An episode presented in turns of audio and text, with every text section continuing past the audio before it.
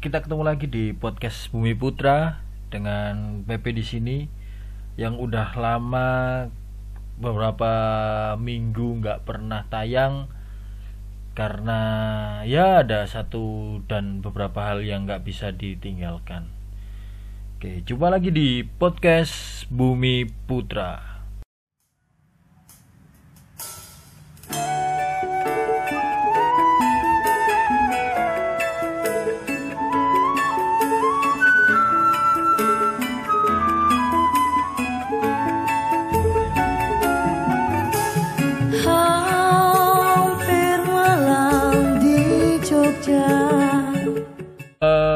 Selamat datang di podcast Bumi Putra eh, episode ketiga.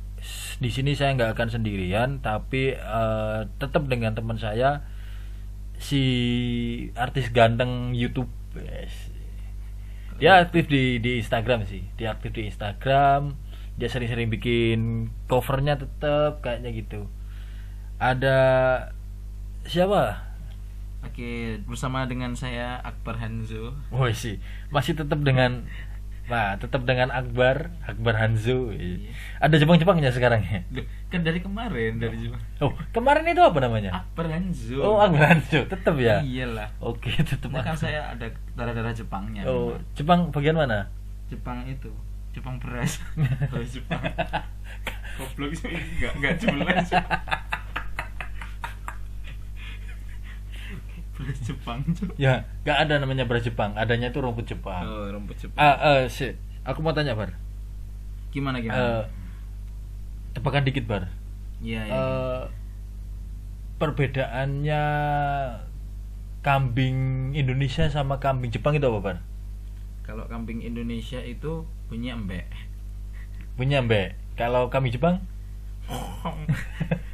Iya, Apaan sih anjing? Sih anjing? Ya, kalau eh, kambing Jepang itu apa sih bedanya kambing Jepang sama kambing Indonesia? Kalau kambing Jepang itu masih mau bang makan rumput Indonesia. Hmm. Tapi kalau kambing Indonesia itu nggak mau bar makan rumput Jepang bar. Mhm. Nah, garing yo, krik krik. Karena jauh goblok. Rumput Jepang di Jepang wedhus sih. Oke, eh, kami buat pod- kami podcast Bumi Putra dari Bumi Putra mau mengucapkan eh, bela sungkawa atas meninggalnya yang Habibi, ya yang Habibi ya benar. Iya, yang kalau nggak salah hari 11 hari September. 11 September itu hari Hari Rabu. hari Rabu ya hari Rabu malam yang Habibi eh, dipanggil oleh Allah Subhanahu Wa Taala semoga amal ibadah eh, diterima oleh Allah Subhanahu Wa Taala Amin.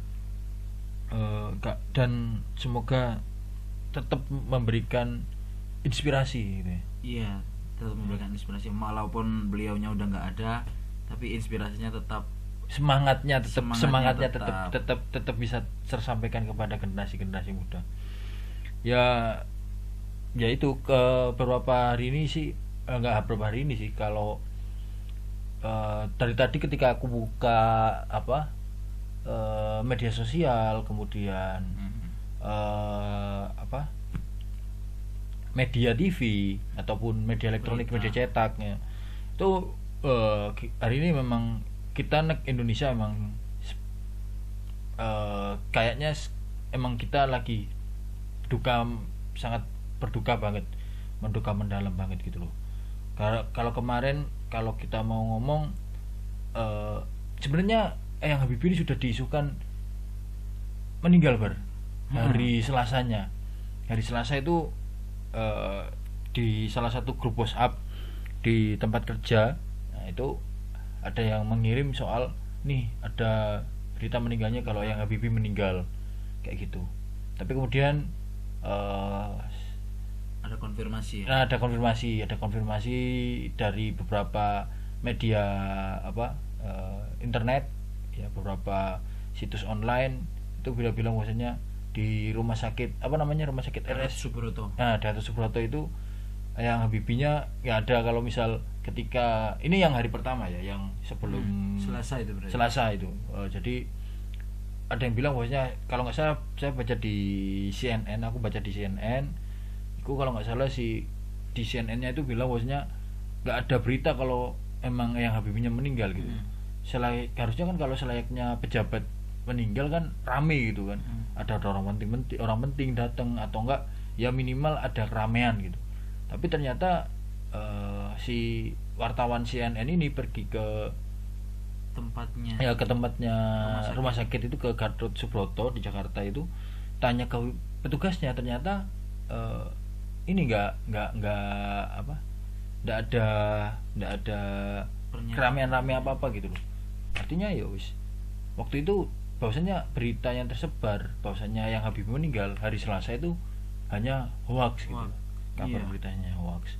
Tapi ternyata eh, hari Rabu malam ketika ya eh, waktu itu sih aku ma- main di Instagram ada salah satu akun akun kayak akun apa Sejarah bukan. bukan bukan bukan bukan bukan sejarah akun ini loh gosip-gosip Hmm. apa jadinya Lambe. itu. lah lambi lambi lambi akun lambi itu eh, memberitakan soal nah ini eh, apa jadinya eh, yang Habibie meninggal nah kan karena yang se- hari sebelumnya aku kemakan isu kayak gitu ya akhirnya kemudian ya ini wah ini jangan-jangan hoax ini Mm-mm. kemudian aku searching dan ternyata beritanya itu sudah ya ya udah rame gitu loh ya semoga aja yang Habibie s- eh, bisa ya seenggaknya yang Habibie sudah ketemu sama cinta Cinta sejatinya. cinta sejatinya bener Bu Ainun ya.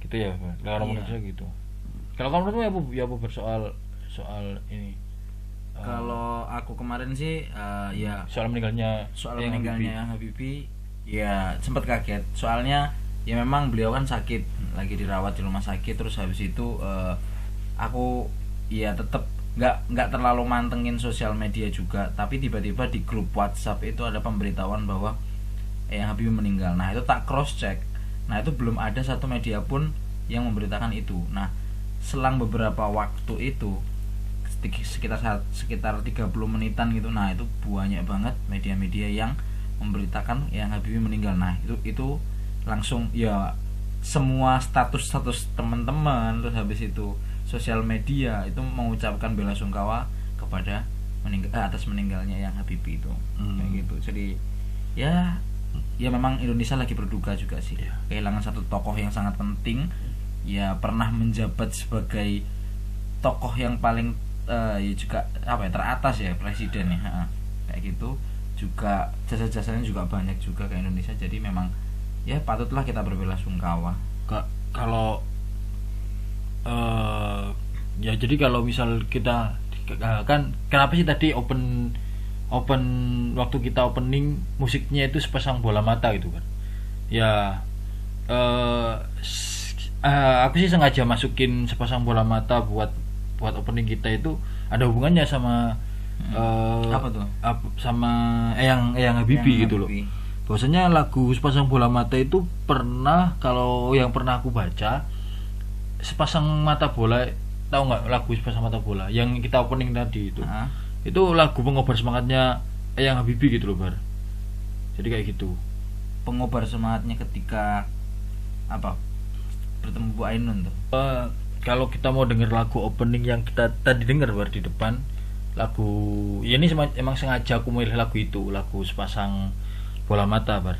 Jadi sepasang bola mata itu kalau lagu aslinya itu ciptaannya Ismail Marzuki. Hmm. Wah, tahu kan Ismail Marzuki? Jadi sepasang bola mata itu diciptakan oleh Ismail Marzuki tahun 46 waktu itu. Kemudian nah sekarang sekarang sudah di remake sudah di apa jenenge di diproduksi nah ulang. diproduksi di diproduksi ulang dinyanyikan oleh Daniel Riyadi Oh, jadi Daniel iya, Riyadi itu sempat menyanyikan itu. Nah lagu itu ternyata menjadi lagu ini bar semangat apa ya favoritnya yang Habibie bar. Mm-mm. ada hubungannya kenapa lagu tadi sebagai openingnya gitu. Karena emang ada ada niat bahwasanya lagu sepasang mata bola ini emang lagu kesayangannya yang Habibie itu kan kenapa? Karena ada suatu ketika itu Ayang Habibie yang pernah saya baca itu bosnya Ayang Habibie itu ketika mendengarkan lagu Sepasang Mata Bola itu teringat bahwasanya wah itu itu lagu lagu revolusi gitu loh. Lagu revolusi lagu yang membakar semangat gitu. Loh oh iya iya Nah jadi intinya ketika eh ketika yang Habibie dengar lagu Sepasang Mata Bola itu sam eh, dia merasa semangatnya berkobar gitu loh. Dan lagu Sepasang Mata Bola itu juga di Sih, ini sepasang bola mata sepasang mata bola ya? sepasang mata bola, gitu bola Oh, mata, sepasang mata bola ya? Sepasang mata bola. Oke, sepasang oke, mata bola.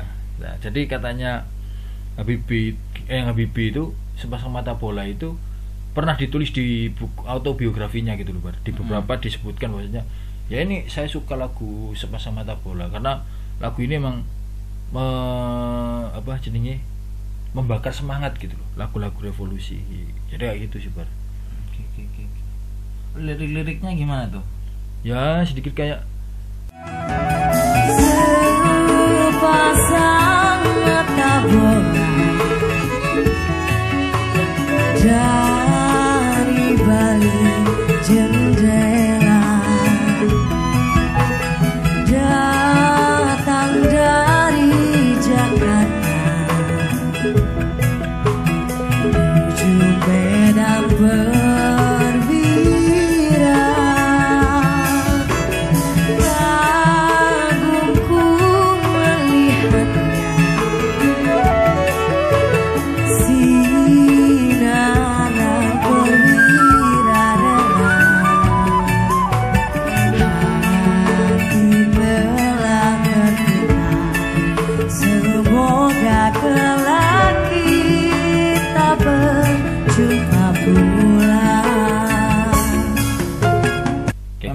ada kayak siapa semacam lirik-lirik membakar semangat gitu ya. Nah ada ada ada kayak contohnya di liriknya itu yang di salah satu liriknya kan kayak gini lagunya itu hampir malam yes eh, Iya. kayak kayak Di- ada satu lirik di Nah.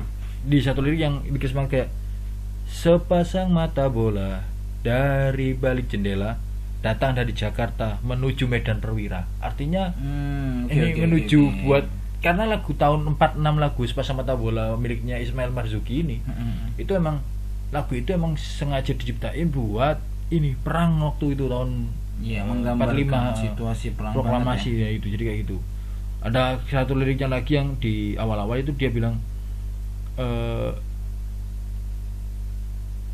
nih dua mata memandang seakan-akan dia berkata lindungi aku pahlawan daripada si angkara murka nah itu kan menggambarkan bahwasanya nih kita lagi berjuang lawan angkara murka dalam hal ini siapa sih Belanda jadi kayak gitu sih bar kalau eh, Oke, oke, oke. kalau apa jenenge eh, Liriknya. lagunya. ya liriknya Ah. liriknya si sepasang mata bola Jadi hmm, apa namanya? Yang Kakung Habibie uh, ini ada yang Ah, kagum ya, ah. ya, yang- yang Kakung ini double E yang Kakung. Nah, ya jadi, iya kalau yang putri lah bukan bukan anu jadi kayak jiwa patriotismenya itu sangat sangat tinggi ya. uh banget sangat sangat tinggi banget kayak gitu kalau menurutku sih kayak gitu sih Pak. Oke oke oke. tapi kalau kita mau ngomong yang Habibie itu emang sosok yang sangat inspiratif banget bagi kita. Iya gimana tuh? Inspiratif menurut menurutmu sendiri? Eh, inspiratifnya itu kayak gini lah misal ngomong yang Habibie ku siapa sih sing biyen anak-anak kita kan termasuk bisa dikatakan generasi 90-an Mm-mm. ketika itu kita itu pasti di kayak di ngomongin eh apa jenenge kayak iki lo jadilah kayak Habibie Mm-mm. Ini, ayo kamu mau jadi pinter kamu harus pinter kayak kayak Habibie biar kamu bisa bikin pesawat biar bisa bi- Hmm. bikin kamu bisa bikin eh, perusahaan pesawat bisa bikin pes- apa eh, orang yang mengajukan ilmu gitu loh di Indonesia. Mm. bahkan waktu itu aku ingat itu di SD ketika aku SD di SD ku itu di salah satu perpustakaan di salah satu di perpustakaan itu ada poster posternya Habibie sing menggambarkan soal ini. Yaitu ada poster tulisannya ayo anak Indonesia. Eh, gambarnya itu ada gambarnya yang Habibie gambar yang Habibie yang ya waktu ya tahun 90-an itu aku inget banget. Terus ada ada ada fotonya anak-anak Indonesia pakai baju merah putih gitu. Baju RSD Mm-mm. di belakangnya itu ada gambar pesawatnya tipe Pesawatnya. R apa? R RN ya? NR 20 kalau nggak salah. Ah. Gatot kaca itu. Oh ya, ya, jadi ada gambarnya itu. jadi ini tulisannya itu ayo anak Indonesia mengukir prestasi. Aku ingat betul itu soal soal apa gambarnya Habibie. Posternya. posternya Habibie. Eh, jadi kalau itu yang yang yang benar-benar aku ingat gitu loh Pak. Pas eh, apa ya ada ada posternya yang Habibie di di perpustakaan SD SD aku waktu itu. Ya akhirnya wah saya aku harus bisa pinter kayak Habibie jadi kayak gitu. Tapi kalau ngomong-ngomong yang Habibie kejenius kejeniusannya yang Habibie itu emang emang emang sudah diasah sih kalau menurutku aku pernah baca di salah satu bukunya itu dia bahasanya ini didikan dari ayahnya sendiri kan Mm. ya jadi eh, apa ya ayahnya itu pernah tanya gitu ayahnya itu kan seorang pegawai kalau nggak salah pegawai pertanian gitu loh Mm-mm. bidang pertanian waktu itu ada pertanyaan yang Habibie itu jadi Habibie itu pernah Habibie kecil Rudi itu kan panggilannya Rudi Mm. dia waktu itu eh tanya gitu ke ayahnya ini kalau dalam bahasa kalau di bahasa Indonesia, Indonesia. kalau misal kita ke misal nggak baik kayak ngolek misal kayak Jawa lek misal digawe kok Jawa ngomong ini eh Pak Bapak iku apa sih Pak kok eh apa jenenge? Kayu apa? Kayunya disambung gitu loh. Kayu disambung tau nggak? Kayu. Kayu jadi kayak apa sih kayu yang dipotong dipotong Heeh. terus disambung di tali terus. Untuk apa itu? Tahu teknik setek nggak? Oh ha, Nah, stek kayak setek. Tadi kan dipotong dipotong terus disambung ini.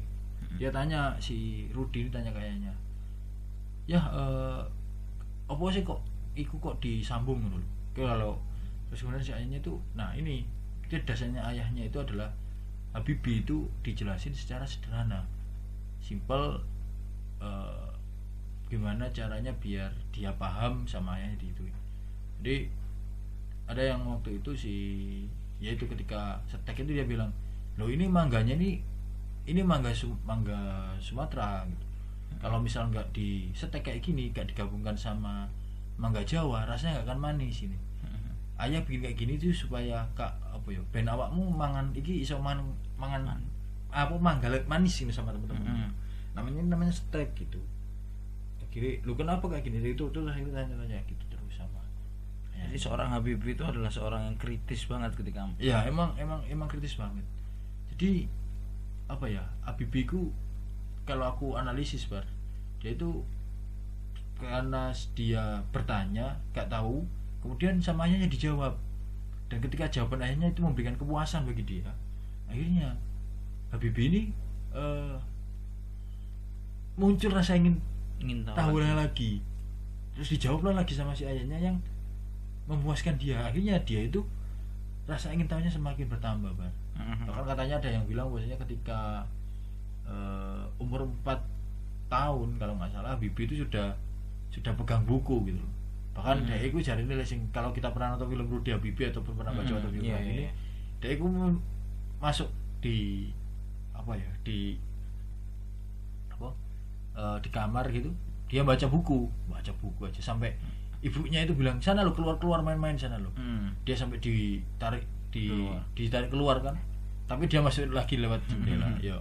Bahkan ada yang bilang maksudnya karena dia sering baca buku dan dia tidak mau keluar sosialisasi ya. Akhirnya ya ini eh, apa dia itu pernah katanya gagap gitu loh. Susah bergaul. Karena emang iya, dia iya. gitu. Ya itu sih tapi emang yang menarik dari eh, yang Habibie itu adalah soal nah ini ketulusan cintanya sih Bar. Mhm. Nah, dari ketulusan cintanya Habibie sama Ainun. Sampai difilmkan itu ya sampai sam- di Valengpan eh, tahun berapa ya Habibie Ainun tahun 2000 berapa itu 2010 2012. 2012 saya saya bentar. Benar 2010 2000 film Habibie Ainun itu kalau nggak salah oh itu udah dua seku, sequelnya loh Bar. ada ada Habibie Habibie satu sama oh enggak sih Ay- Habibie Ainun Heeh. sama Rudy Habibie kan Iya. Habibie Ainun 2000. itu 2006 2012 Ya, 2012. 2012 eh, sutradaranya Fauzan Rizal kemudian pemerannya Reza Rahadian. Reza Rahadian sama sama bunga Bunga Citra Lestari kalau itu ya ah, itu terus yang kedua itu Rudy Habibie tahun 2016 tapi kalau menurut kalau film itu kamu sukanya mana? Kalau aku sih eh, Habibie Ainun apa Rudy Habibie? kalau aku sih lebih lebih prefer ke Rudy Habibinya sih. Karena eh, Ru- karena kalau Habibie Ainun itu kan cerita tentang ketulusannya Pak Habibie dan Bu Ainun. Sebagai seorang suami kewajibannya memang bukan kewajiban sih memang itu harusnya kayak gitu harusnya Pak Habib Pak Habibie itu selalu ada untuk Bu Ainun. Nah itu karena aku juga ngelihatnya ngelihat filmnya itu nggak full satu satu film tuh semua nggak lihat ada beberapa part yang aku loncati makanya ada beberapa part yang nggak aku tangkap. Nah kalau Rudy Habibie itu mulai dari awal sampai eh, terakhir filmnya ya aku cukup cukup terkesan sih sama tokoh Rudy Habibie ini. Jadi karena dia itu menceritakan bahwa si Habibie ini ke Jerman itu dia itu full memang untuk menuntut ilmu dan meskipun di sana itu nanti apa namanya ada bumbu-bumbu roman romansa dengan siapa ada cewek namanya siapa tuh Eh, si yang pemerannya Chelsea Iya, Islan itu pemeran ya Chelsea Islan itu. Nah, Hmm. nanti dia sempat suka sama si cewek ini tapi akhirnya eh, nggak jadi gitu. Ya, itu cukup ya plot twistnya cukup bagus sih, maksudnya nggak nggak terduga banget kalau dia itu ditinggal ternyata sama Pak Habibie karena Pak Habibie lebih memilih pulang ke Indonesia, lebih memilih negaranya daripada si dia. oh eh Habibie Ainun yang ke Habibie Ainun kedua itu Rudy Habibie itu bar Iya, Rudy Habibie itu. Rudy Habibie itu eh, ternyata Habibie dan Habibie dan Ainun yang kedua tahun 2016 Tapi aku lihat nggak ada ain-ainnya sama sekali memang. Eh, kayaknya sih gitu ya yang emang nggak emang nggak ada nggak ada nggak ada Ilona Ilona si yang jadi Si Chelsea ya, ha, si iya. Ilona ya si Ilona itu jadi oh ada yang katanya sih ini bar ada yang bilang ada mau ada Ainun yang ketiga rilisnya 19 Desember 2019 itu katanya. lanjutan dari Habibie Ainun yang pertama itu. mungkin ya jadi tapi eh, di sini sih yang aku baca bahwasanya Habibie Habibie Ainunnya bukan lagi pemerannya bukan Reza Radian tapi Jeffrey Nicole tapi kan Oh. kalau kita tahu Jeffrey Nicole-nya kan kena masih kena kasus kena itu. kasus kan ya, kena kasus ya dia kayak gitu sedangkan pemeran Ainunnya itu bukan Bunga Citra Lestari lagi Hmm. tapi si Maudy Ayunda Wah, itu seperti apa? ya, Memang eh, favorit anak muda banget ya. ya mungkin mungkin karena kalau kita mau ngomong eh yang Habibie itu ada dua hal yang menarik gitu Bar. dari bernegaranya sama Kisah, kisah hidupnya. cinta kisah Dan- cinta kisah cintanya yang ada yang bilang maksudnya dia nggak pernah berpaling hati dari satu orang Ya, bahkan kalau di filmnya digambarkan dia mencium Bu Ainun itu ada tujuh titik ya kalau nggak salah satu Oh, dua nah. tiga empat lima di filmnya tujuh Habibie Ainun yang pertama itu. Iya iya kayak kalau nggak salah itu ada Pas tujuh.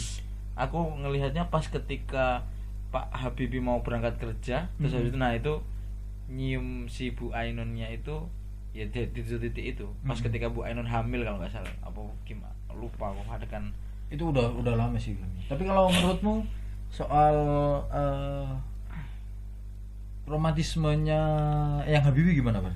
kalau aku sih dari dari film yang aku lihat ya dari film yang aku lihat terus habis itu eh, aku sih nggak baca biografinya tentang Pak Habibie eh, nggak baca biografinya tapi yang aku lihat ya kehidupan cintanya itu kalau bagi anak muda zaman sekarang mungkin ya mungkin mencintai satu orang itu adalah sesuatu hal yang kurang menantang Kalau sekarang, kalau kalau kita masukkan apa namanya sudut pandang itu ke zaman sekarang. zaman sekarang. Heeh. Tapi ketika kita itu melihat kayak kesetiaan Pak Habibie sama seperti dia konsisten sama negaranya, dia harus membela Indonesia sampai bahkan akhir hayatnya pun dia nggak mau kan apa namanya dikasih keluarga negara istimewa sama Jerman Mm-mm. sekalipun dia nggak pernah mau, maksudnya dia itu cuman di Jerman itu memang khusus untuk ya mungkin menuntut ilmu sama eh, ada beberapa mungkin keperluan tapi nggak pernah diambil warga negara warga negara istimewanya. Dia tetap setia sama Indonesia sama kayak dia setia sama Bu Ainun doang kayak gitu. Ya kalau ngomong cintanya Habibie sama Ainun itu eh, kayak gini sih ber jadi emang mereka itu kayak ya apa ya hubungan mereka itu kayak ikatan relasinya mereka itu sangat kuat gitu loh Bar. bahkan ketika si apa ketika eh, Bu Ainunnya waktu itu kena kanker kanker ovari eh, eh, ovarium kalau nggak salah kanker ovarium itu si Eyang Habibie Eyang Habibinya itu tetap tetap konsisten nemenin gitu loh Bar nggak nggak mau- meninggalkannya. Bahkan ada yang bilang kema- eh, tadi aku lihat di line nah, di line di timelinenya line itu ada salah satu yang bikin kayak gini.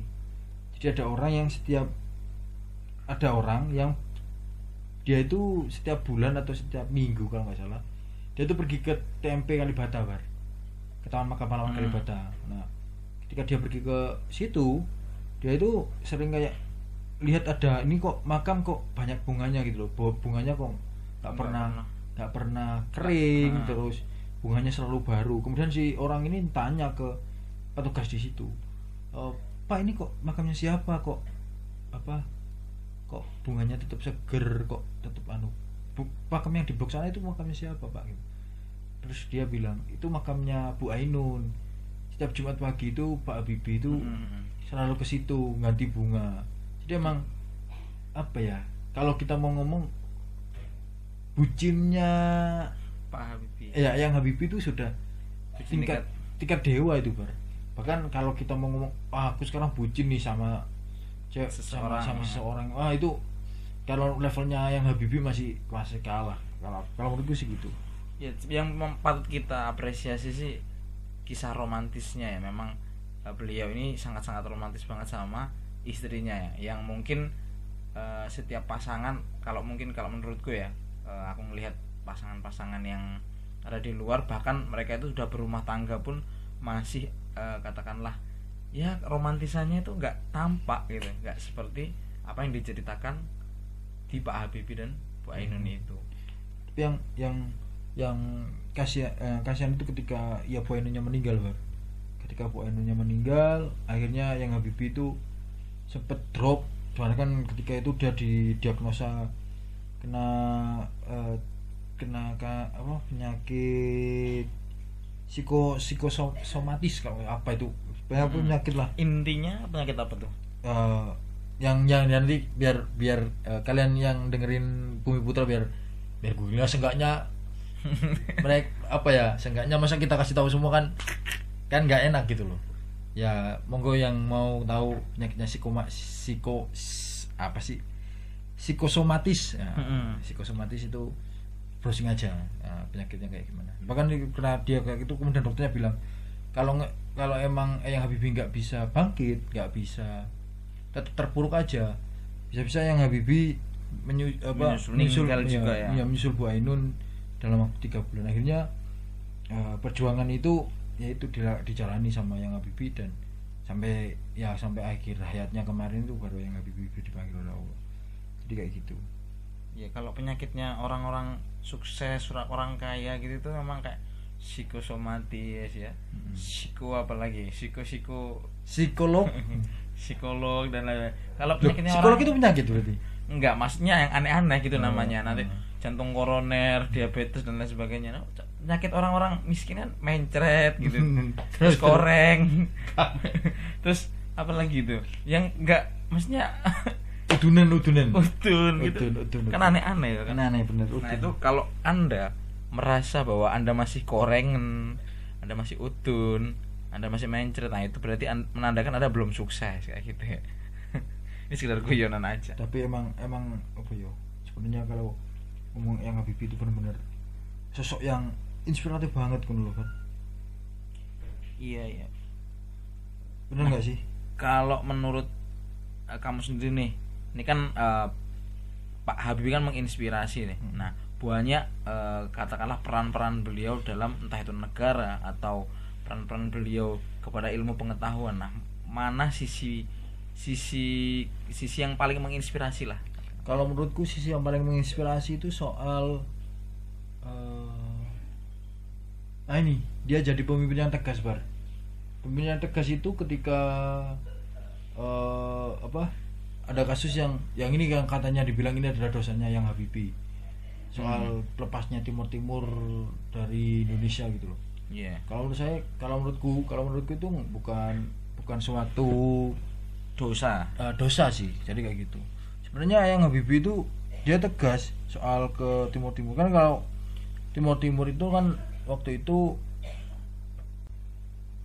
ayo Oke. saya kan di Pertanyaan tadi. Jadi yo, eh, yo yo yo yo. berarti kamu pertanyaan yo ya ayo balik balik. Oke, jadi kan banyak dari eh, peran-perannya Pak apa yang Habibie ini yang menginspirasi toh sebagai negarawan, sebagai mungkin intelektual. Nah, mana nih bagian-bagian yang menurutmu menginspirasi dirimu yang sangat-sangat terinspirasi lah, inspiratif. kalau misal kalau menurutku sih karena eh, aku emang suka sama kayak bidang kalau sebenarnya sih kalau ngomong politik sih nggak terlalu suka sama politik Hmm. sih tapi yang paling aku suka itu adalah soal yang kalau kalau ngomong cinta kesetiaannya yang Habibie sih, Mm-mm, udah dibahas udah, ya. udah udah udah nggak usah diragukan lah Iya. udah apa jenis keren banget gitu. Wis keren banget kalau misal puji tingkat dewa itu yang Habibie Mm-mm. benar-benar puji tingkat dewa kalau eh, kalau aku sih yang paling aku suka itu adalah soal ketika yang Habibie itu berani gitu loh ngelepas Timur Timur ngelepas timur timur ya nah Hmm. yang dianggap sebagai katanya sih dosanya nah ya kan dosanya dosanya dosanya yang Habibie Hmm. terkait ini kalau kita ngomong-ngomong soal sedikit soal pemerintahan ya Mm-mm. tapi kalau menurutku sih terlepasnya Timur Timur Timur itu bukan dosanya yang Habibie sih Bar. karena kan ya kan kalau kita tahu kan Timur Timur itu kan dulu kan eh sorry Timur Leste kalau sekarang Iya. Timur Leste Timur Leste itu kan Timur dulu kan Timur Timur dia lepas dari Indonesia karena ada referendum referendum itu yang diberikan oleh yang Habibie waktu itu Hmm. Nah, sebagai presiden diberikan referendum. Nah, ketika di referendum ternyata banyak orang-orang timur, orang timur Timur yang lebih memilih untuk bebas. bebas. Jadi waktu itu kalau nggak salah sekitar 70 atau 20 persen gitu loh. Kayak gitu. 70 ya 70 banding 20 eh 70 banding 30 30 ah, kayak mungkin sekitar itulah 70 lebih sama banding 30 kurang sekitar Hmm. kayak kayak gitu. Tapi kalau menurutku sih apa ya? Apa yang dilakukan oleh yang Habibie itu justru justru tepat gitu loh Ha-ha. kenapa kok eh tepat gitu loh. Katanya yang Habibie bahwasanya eh bahwasanya kan ini kan Timur Timur itu kan udah sejak tahun 70-an kalau nggak salah zamannya Soeharto kan. Namanya udah ber- ya nah, zaman Orde Baru Soeharto itu. Bahwasanya Timur Timur waktu itu sempat gabung sama Indonesia. Kemudian karena tahun selama 22 tahun ternyata ini mereka sudah mulai kayak apa ya? Terombang-ambing terombang-ambing dan mulai pingin pingin keluar dari Bebas. nah, dari bebas dari Indonesia. Nah, yang Habibie itu pernah bilang bahwasanya kita itu 22 tahun selama 22 tahun bersatu sama Timur. Timur itu gak, gak bersatu gitu loh gak bisa bersatu gitu loh. Ibarat orang pacaran gitu tuh kayak apa namanya dia itu ya kita udah pacaran tapi kayak nggak romantis atau nggak harmonis nah gak harmonis gitu loh. Heeh. Ya artinya ya wis lah misal lek wong koyo wong pacaran gak harmonis ya wis pedot ae ngono loh Mm-mm. jadi kayak ngono jarine itu katanya si yang Habibie sih. Jadi itu yang pertama. Kemudian yang kedua katanya eh, menurut menurut eh, yang Habibie kalau misal soal ngomong lepasnya Timur Timur itu pemerintah Indonesia di bawah kepemimpinan eh, yang Habibie itu si yang Habibie ini gak mau pengen bermain apa ya? Kayak standar ganda gitu loh bar gimana tuh? Standar ganda itu kan contohnya kalau misal kan kalau sta- ngomong standar ganda kan berarti ada standar ada patokan dua dua patokan gitu. Yang Habib nggak mau harus satu mana yang jadi patokannya. Mm-mm. nah yang Habib eh, waktu itu kalau ngomong dua standar yang pertama ada soal pembukaan undang-undang bahwasanya sebenarnya kemerdekaan itu ialah hak Segala bangsa. segala bangsa dan oleh sebab itu maka penjajahan dunia harus dihapuskan. Nah jadi eh, menurut yang Habibie itu Timor Leste itu itu sudah biarkan bebas saja nggak apa-apa.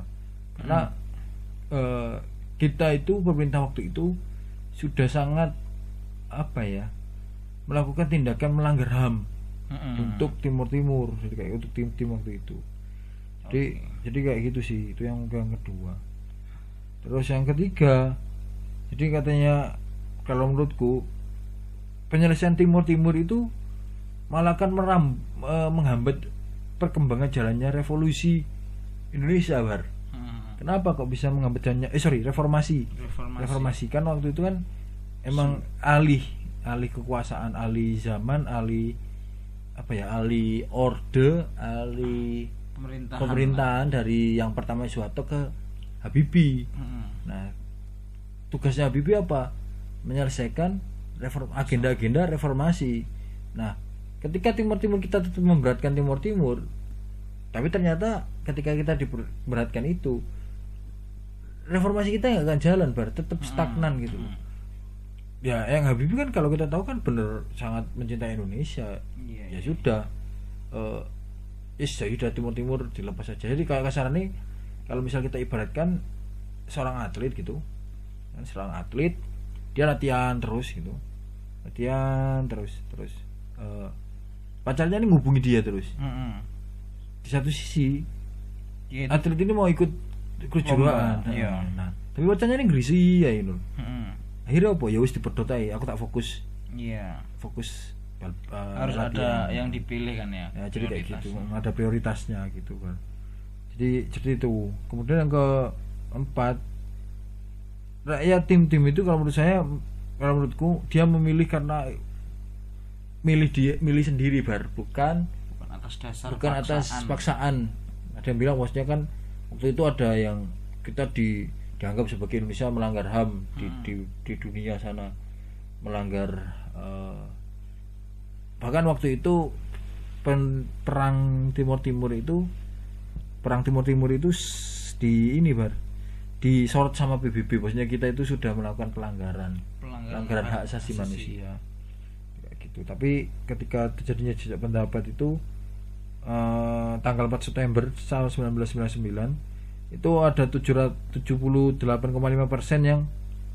menolak eh yang menerima untuk eh untuk merdeka. ya untuk yang menerima untuk merdeka Mm-mm. keluar dari eh, Indonesia jadi kayak gitu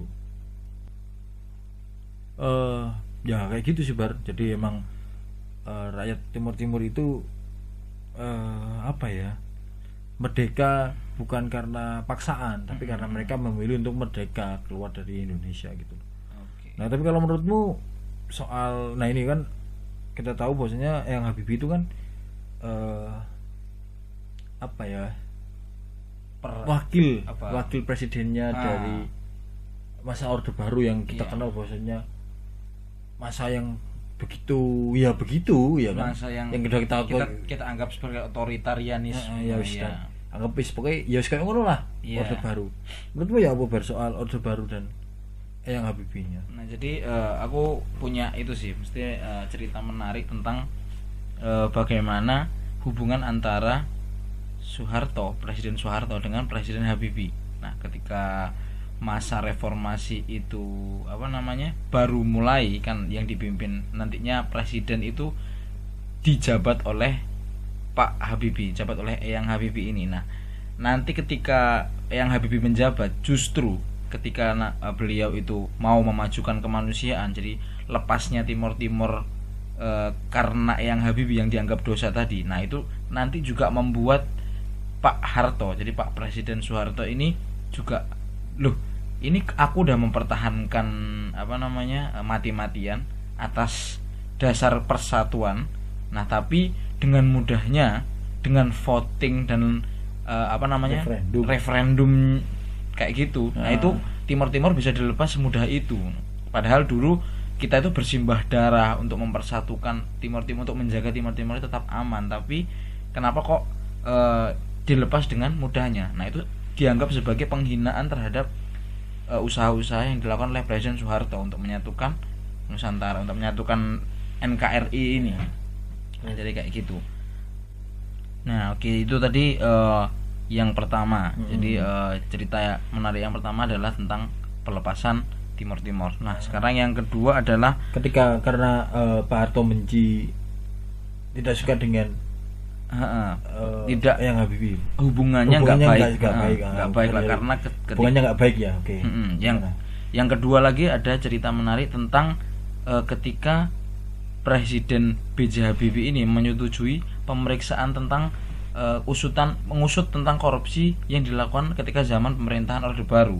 Nah, otomatis kan yang memerintah pada waktu itu adalah Presiden Soeharto. Nah, itu diusut oleh eh, apa namanya? tim pengusut korupsi dan KKN, korupsi kolusi nepotisme.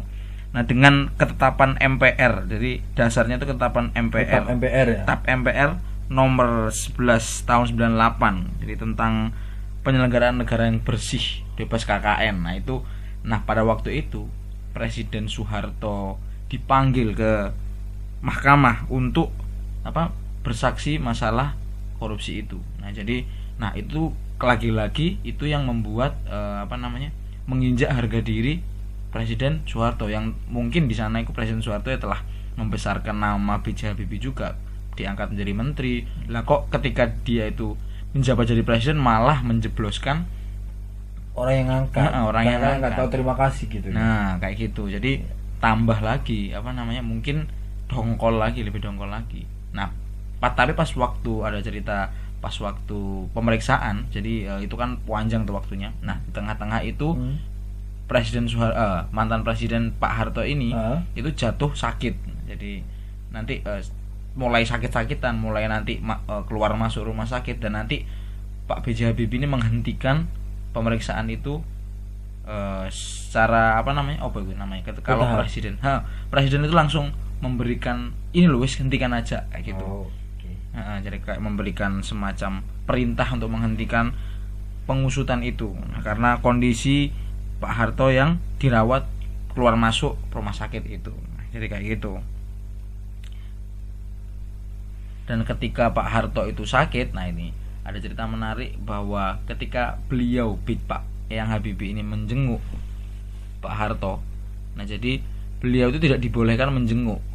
Karena eh, Pak Harto ini memang nggak mau dijenguk sama yang Habibie ini karena wis wis mau kayak hubungannya Ha-ha. emang sudah nggak harmonis gitu nggak harmonis juga. Nah, dokter itu pun melarang Pak Pak Habibie untuk menjenguk karena nanti ketika beliau menjenguk kemungkinannya emosinya itu akan meningkat karena ya aku mau bangkel mau dan memperparah kondisi Pak Harto pada waktu itu. Nah, itu jadi dokter nggak membolehkan juga untuk menjenguk. Akhirnya Yes tidak menjenguk dan hubungannya makin tambah menjauh lagi kayak gitu.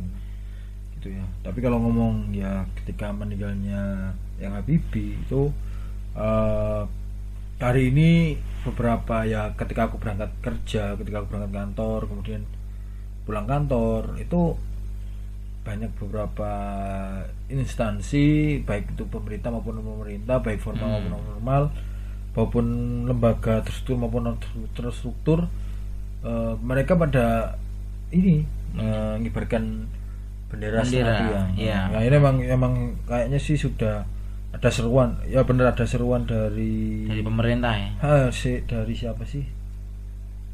Hmm, bentar.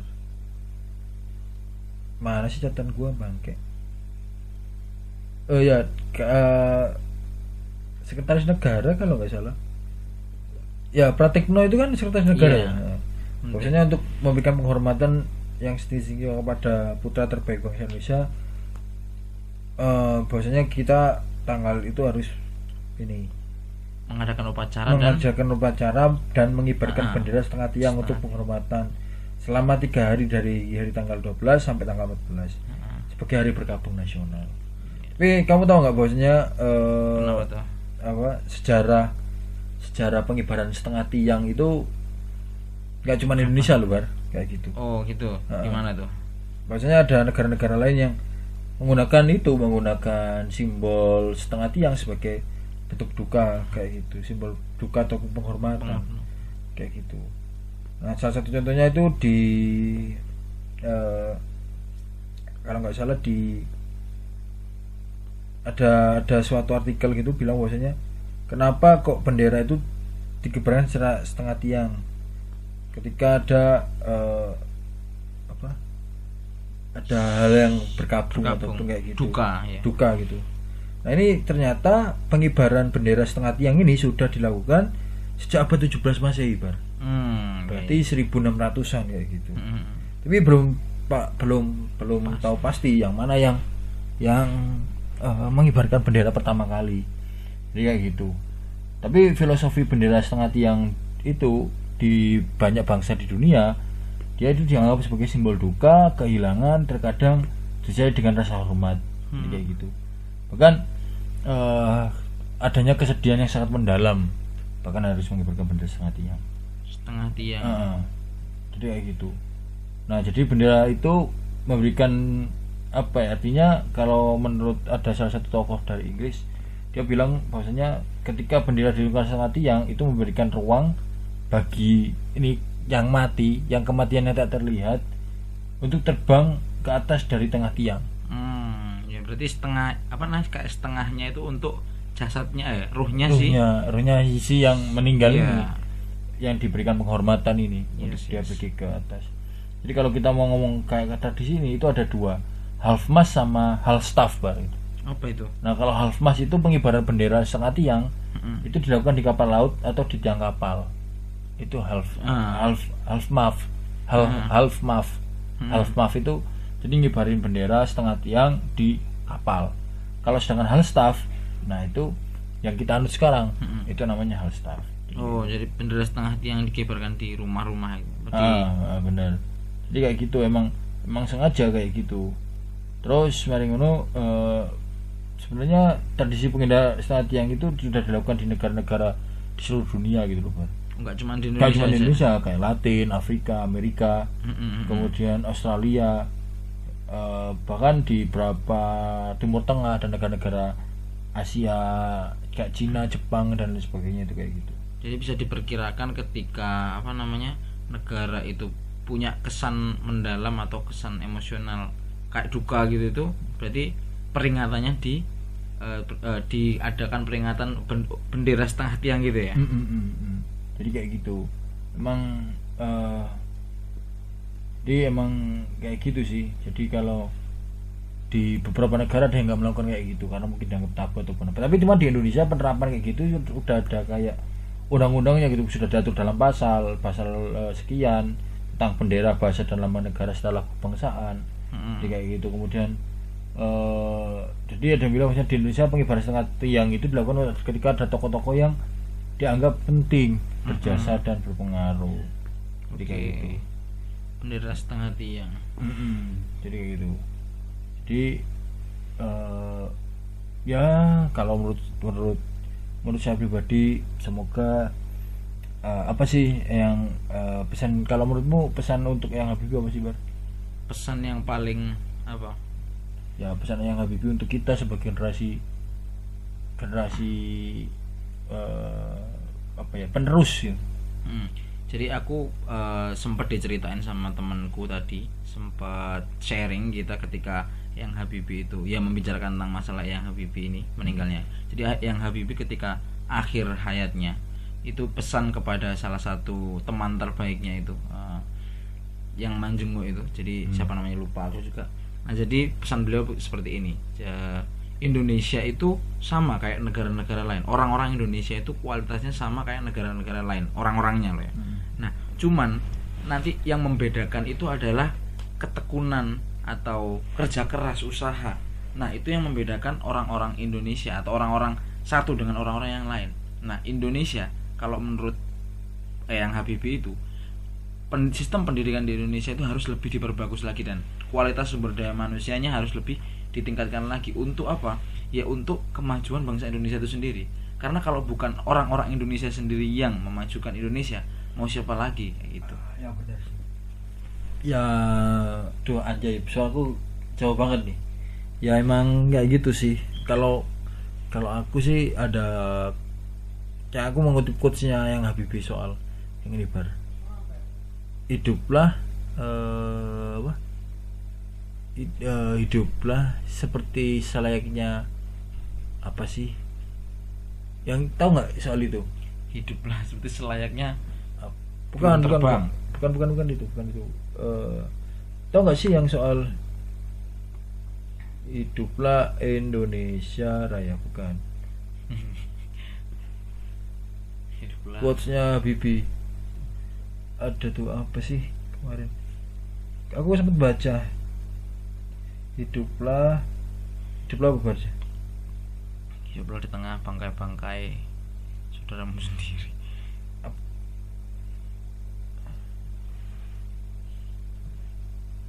Oh ini loh. Hiduplah kamu seperti akan mati besok. Ah, dan berbahagialah berbahagialah seperti kamu akan hidup selamanya. Ngerti maksudnya nggak berarti? Iya iya iya iya. Itu sama kayak itu enggak sih? Kayak eh, kalau menurutku sih ini kayak lebih kutipan religius gitu. Jadi Ah, ah. bekerjalah kamu seakan-akan kamu. Ya hidup selamanya tapi beribadahlah kamu seakan-akan mati besok. Ya emang emang emang itu sih. Jadi ya semoga eh, semangatnya yang Habibie tetap bisa tersalur kepada generasi-generasi Oke, iya, penerus. pasti pasti. Jadi kayak gitu. Kita juga sebagai Bener. generasi muda eh, yang punya PR besar untuk melanjutkan tonggak estafet yang udah yang Habibie berikan kepada kita gitu kan Oke. jadi kalau aku bener pernah pernah ngutip itu jangan pernah tanya apa, apa yang eh, negara apa yang udah negara berikan. Indonesia beri apa Indonesia berikan kepada saya. Tapi bertanyalah kepada dirimu bahwasanya apa yang sudah saya berikan kepada ah, betul banget Indonesia gitu. Oke betul banget itu. Setuju. ketemu lagi di episode Bumi Putra yang lain ya episode ini kita emang ngomongnya kayak serius banget ya. Iya. ada- nggak ada guyonannya. Ya semoga kita tetap konsisten setiap minggu bisa bisa bikin buat kalian dengerin. Yang kemarin-kemarin eh, yang kemarin sempet tanya eh, kok mana nih episode barunya? Mana nih episode barunya? Ya ini episode baru kita. Jadi ya semoga di episode baru saja kita masih konsisten untuk bisa setiap minggu kasih pengetahuan sejarah kepada kalian. Oh, gitu ya. Ya kalau kita emang nggak nggak nggak sibuk sih ban iya. Oke. Eh PP di sini undur diri. Oke dan saya Akbar Hanzo juga maju diri. Maju diri. Maju diri maju ke mana lu? Oke sampai jumpa di podcast Bumi Putra yang lain dan see you later. Ciao